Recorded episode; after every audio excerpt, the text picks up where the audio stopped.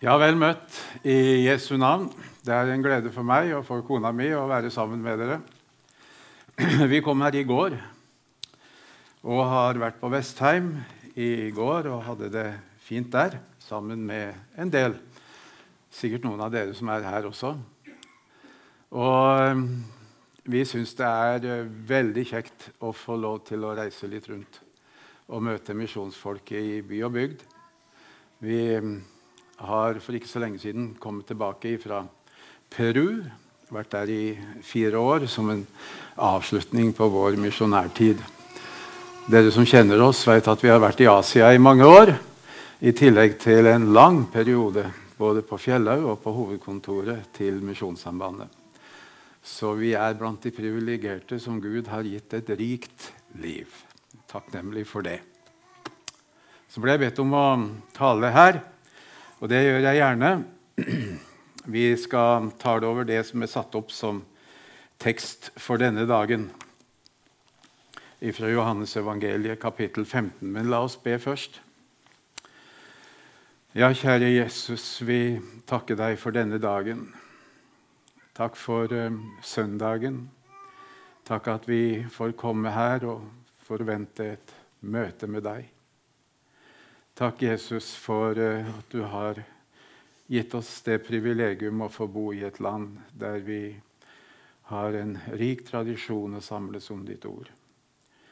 Og så ber vi om at det må gi oss en ny kveik på, i, for hverdagen, for livet vårt, slik at vi kan få leve nær deg i det daglige liv. Vi takker deg, Jesus, for din nåde. Og takk for at du er til stede iblant oss ved din hellige ånd. Vi takker for det. Så takker vi for ordet vi skal lese, og ber om at du må tale til våre hjerter gjennom det. I Jesu navn. Amen. Vi skal lese fra Johannesevangeliet kapittel 15. Og jeg leser da fra vers 12. Det er um, egentlig vers 13 som er det første verset i det som er satt opp som tekst for denne dagen. Men vi leser fra vers 12. Dette er mitt bud, at dere skal elske hverandre, like som jeg har elsket dere. Ingen har større kjærlighet enn denne, at han setter sitt liv til for vennene sine. Dere er mine venner dersom dere gjør det jeg pålegger dere. Jeg kaller dere ikke lenger tjenere, for tjeneren vet ikke hva Hans Herre gjør. Men dere har jeg kalt venner, for alt det jeg har hørt av min far, har jeg kunngjort dere. Dere har ikke utvalgt meg, men jeg har utvalgt dere og bestemt dere til å gå ut og bære frukt. Og deres frukt skal vare, for at Faderen kan gi dere alt det dere ber om i mitt navn.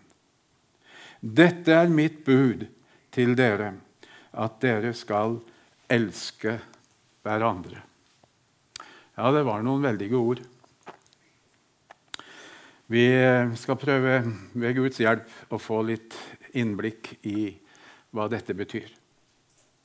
Versene som gikk forut for det stykket vi leste, der handler det mye om glede. En glede som er annerledes enn den verden har å gi. Jesus kaller den for min glede. Det er en glede som smitter, og den smitter over på hans barn i denne verden. Den smitter over på Jesu venner. Men eh, nå eh, er det slik at teksten der er et annet ord som trer fram i all sin fylde, og som har noe å si oss og som gjerne danner grunnlaget for denne glede som Herren gir til sine barn. For det er en glede å være Guds barn, syns dere ikke det? Jeg synes det er noe helt vidunderlig, særlig når jeg har fått lov til å leve iblant mennesker på forskjellige kontinenter som ikke har denne gleden i livet. Det, eh, kontrastene blir store. Men hva er hemmeligheten bak denne gleden? Det tror jeg teksten vår i dag handler om, den sier mye om. Og stikkordet, det er kjærlighet.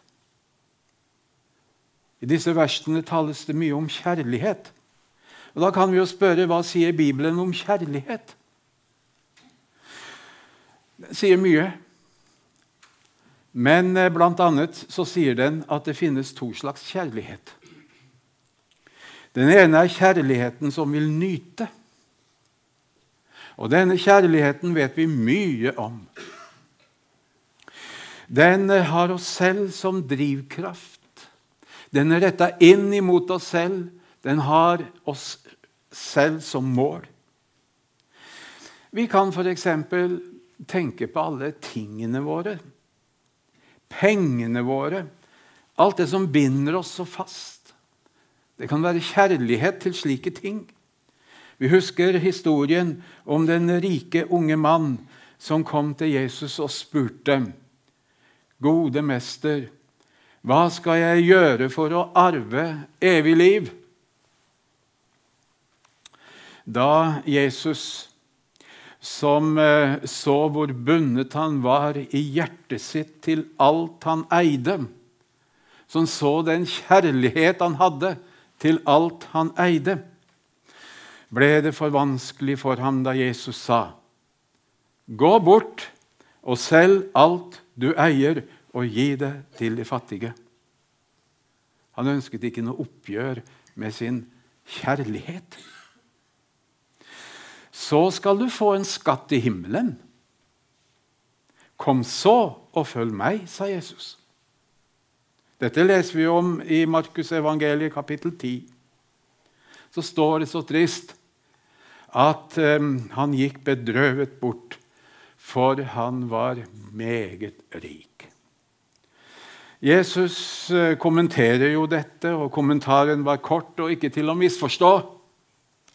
Det er vanskelig for dem som setter sin lit til sin rikdom, å komme inn i Guds rike.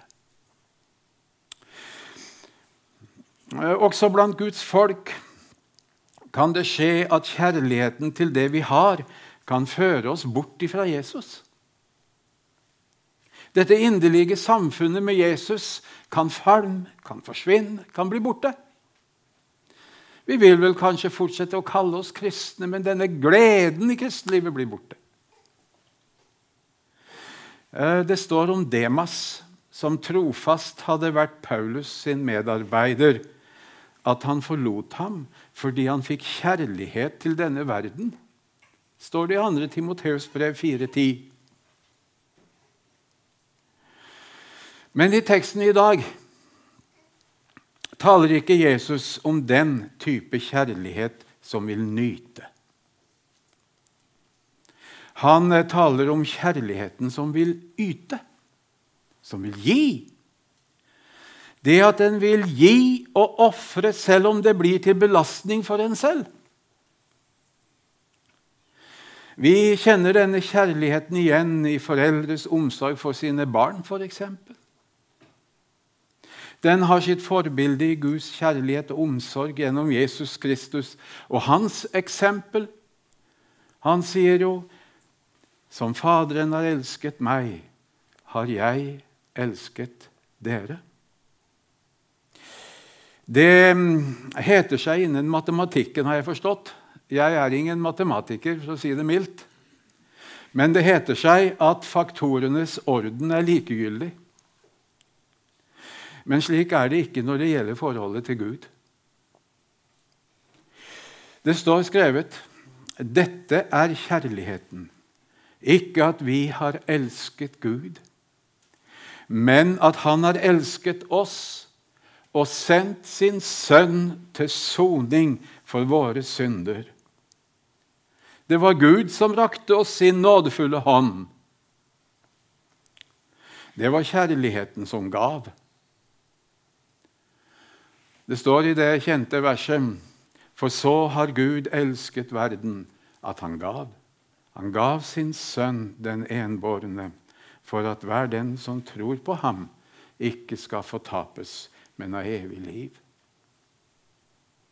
Det er så vanskelig å fatte Guds nådefulle kjærlighet. Og det er mange som har erfart det særlig vanskelig i livet. Vi vil så gjerne rydde i våre liv, for så å bli sånn noenlunde verdige til Guds kjærlighet. Først må noen uvaner og småsynder vekk. Og så er det noen større ting som er litt vanskeligere å ordne opp i. Og slik går årene. Jeg har møtt mennesker som har gått sånn i mange år, men plutselig så fikk de se evangeliet. Og gleden og friheten kom inn i deres liv.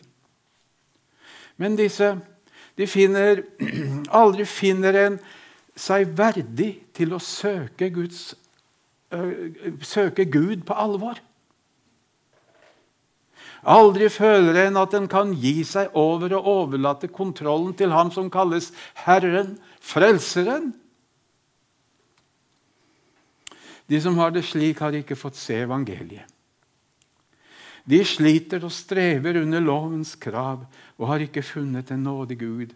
De kjenner ikke Guds kjærlighet.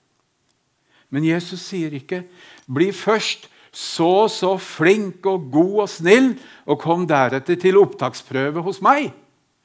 Nei, han sier ikke det. Han sier, 'Kom til meg, alle dere som strever og har tungt å bære', eller som det står nå, da, bærer tunge byrder, og jeg vil gi dere hvile. Det sier Jesus. Og med hvile følger gleden i kristenlivet, takken og frimodigheten.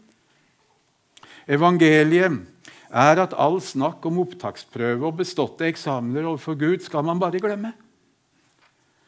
Her hjelper ikke selv alt vårt strev. Teksten vår sier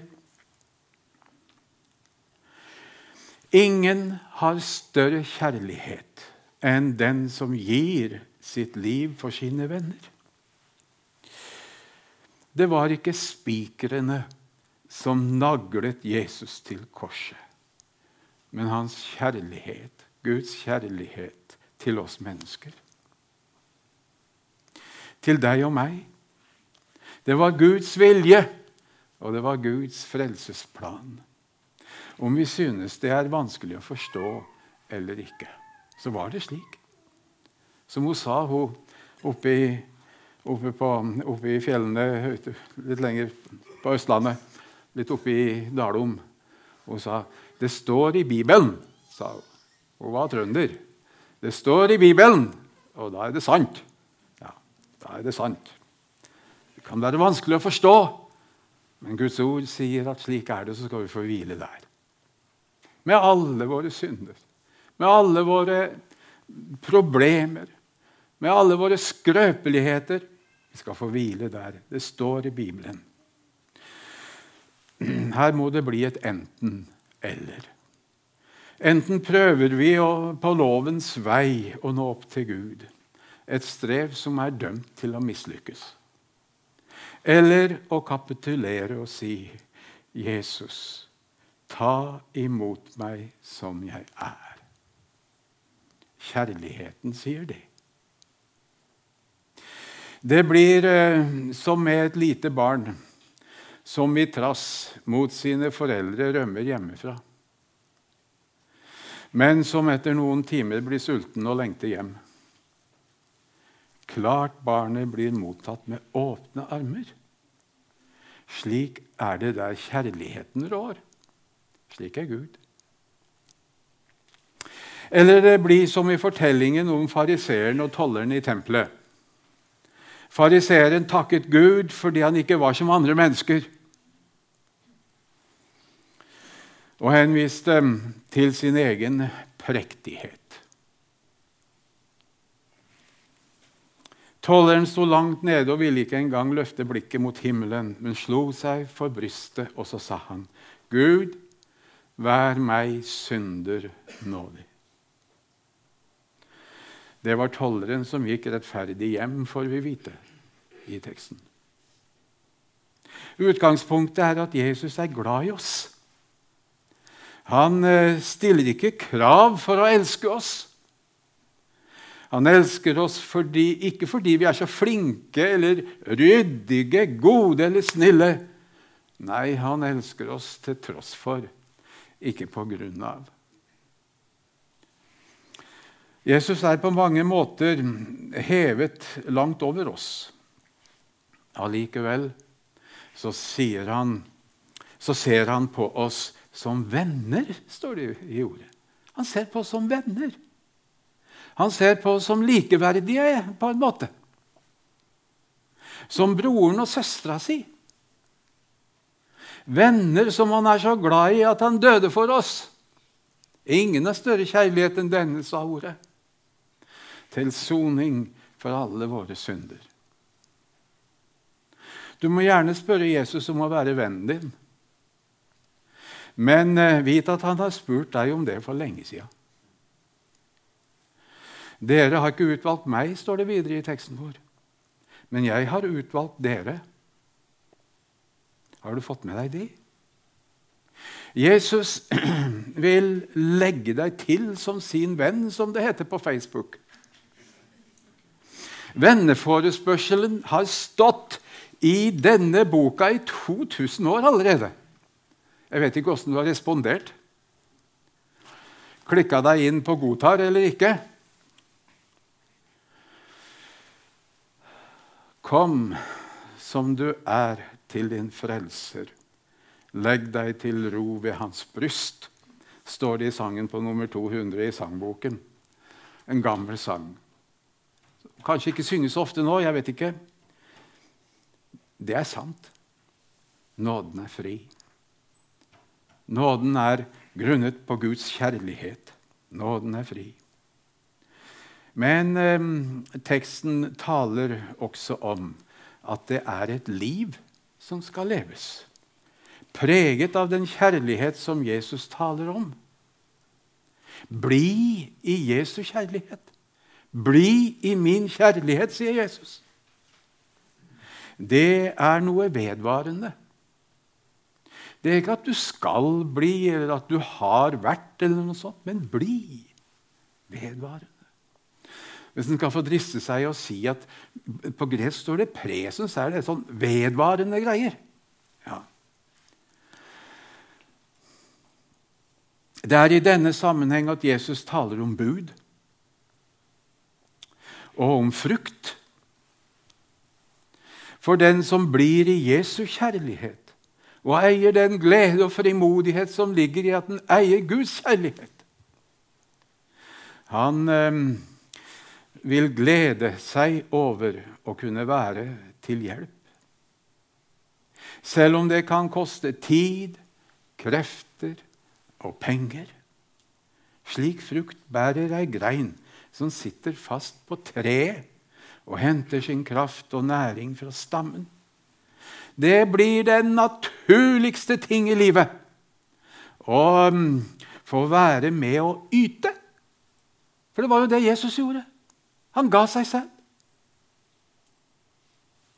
Det er i denne forbindelse at Jesus sier, 'Da skal Far gi dere alt dere ber om i mitt navn.' Et stort løfte og en raus Gud. Uttrykket 'å be Jesu navn' er nøkkelen til å forstå hva dette betyr. Det betyr at vi har adgang til Guds trone. Når vi ber i Jesu navn, så henvender vi oss til den allmektige, allkjærlige Gud. For det står i Skriften at ingen kommer til Faderen uten gjennom meg, sier Jesus. Da ber vi i Jesu navn. Jeg tror ikke vi blir rike av å be om rikdom og ære for oss selv det er å be i Jesu navn, som har Guds løfte over seg. Jesu navn gir oss tillatelse til å tre fram for nådens trone med frimodighet, står det i Hebreerbrevet 4,16. Luther sier Må jeg lov å ta med et par Luther-sitat også?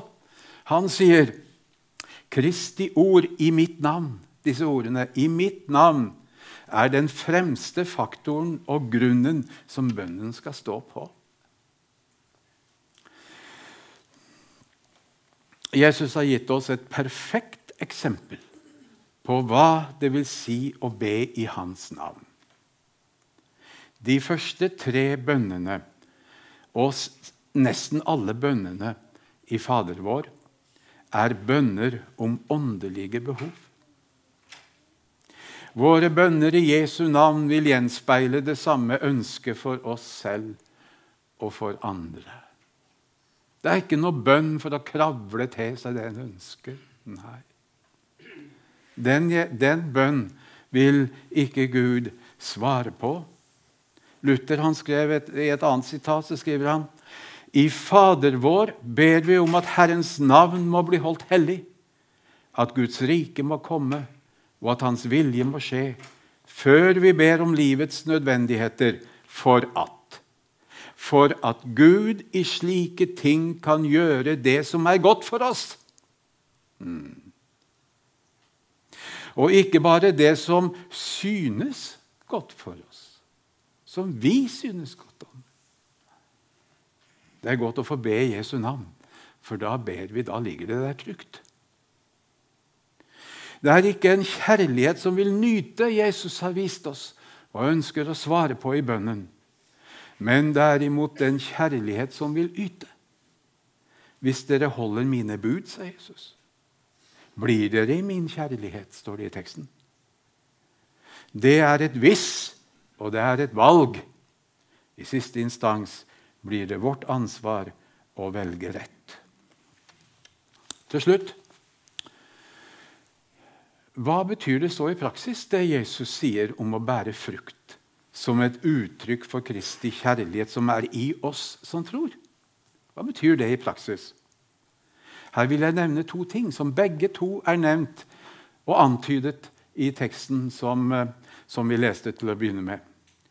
For det første Jesus legger oss på hjertet å elske hverandre.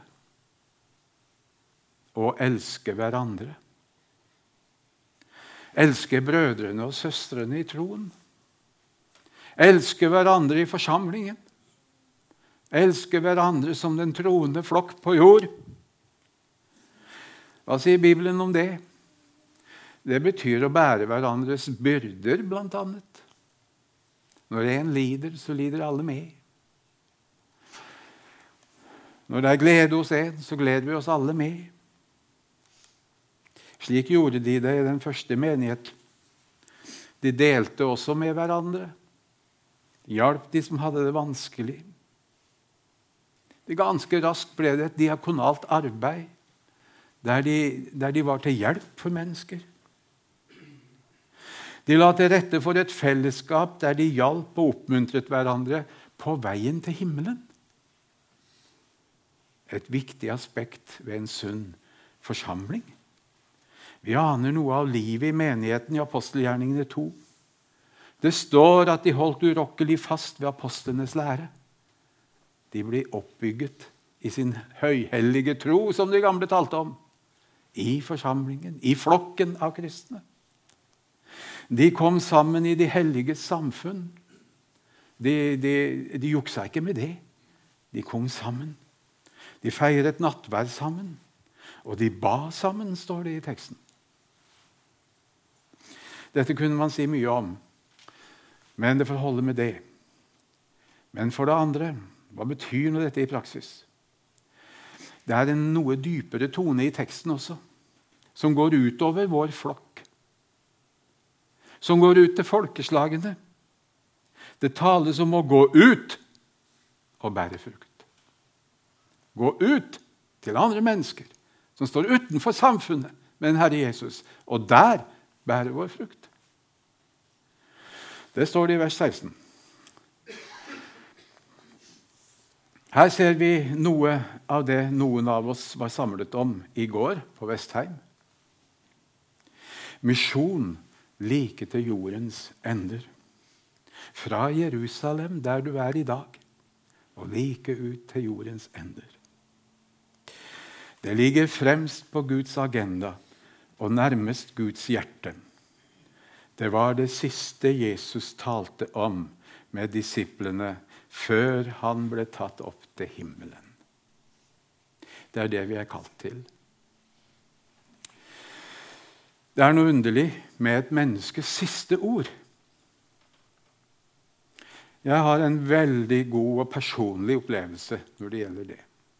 Da min farfar, som dere som er litt opp i åra, kanskje husker, særlig hvis dere har gått på Rødde Han var rektor på Rødde i en mannsalder. Og jeg er oppkalt etter han. Ja. Um, da han lå på det siste i Trondheim, på sykehuset i Trondheim, så um, var vi og besøkte han da. Og så ville han snakke med meg. Og, um, og, det som der ble sagt, det har vært viktig i mitt liv. Det var det siste han sa til meg før han døde. Jeg hadde hatt den glede å få være sammen med farfar i mange, mange ganger i mange år. Jeg husker ingenting av det han sa. Men jeg husker det siste han sa. Det siste Jesus sa, det var 'gå ut i all verden og forkynne evangeliet for all skapningen'. Paulus sa det slik Kristi kjærlighet tvinger meg. Denne kjærlighet jeg eier av bare nåde fordi Jesus døde for meg. Johannes skriver i sitt første brev Vi elsker fordi Han elsket oss først. Hva var det det Kristi kjærlighet tvang ham til? Jo, til å forkynne på de stedene der evangeliet ennå ikke var kjent, står det. I Romerbrevet kapittel 15 og vers 20. Han sa det så sterkt, faktisk, at 'jeg har satt min ære i å forkynne evangeliet der Kristi navn ikke før var nevnt'. Samtidig hadde han en veldig omsorg for sitt eget folk, jødene at de måtte bli frelst. Ingen motsetning her. Det er et både-og. Ikke bare i vår organisasjon, det burde være i hele den kristne kirke utover jord. Så har dette fulgt Kristi menighet på jord til alle tider.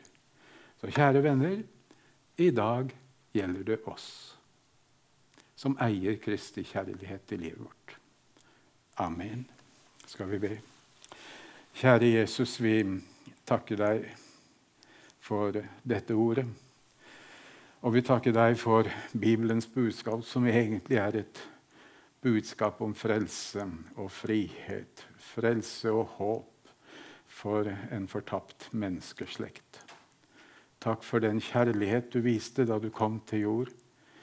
Du tok på deg alt vårt, ja, hele verdens, og du døde for oss alle så får vi ved troen eie den frimodighet og glede som ligger i å ha fått se denne Guds kjærlighet. I Jesu navn. Amen.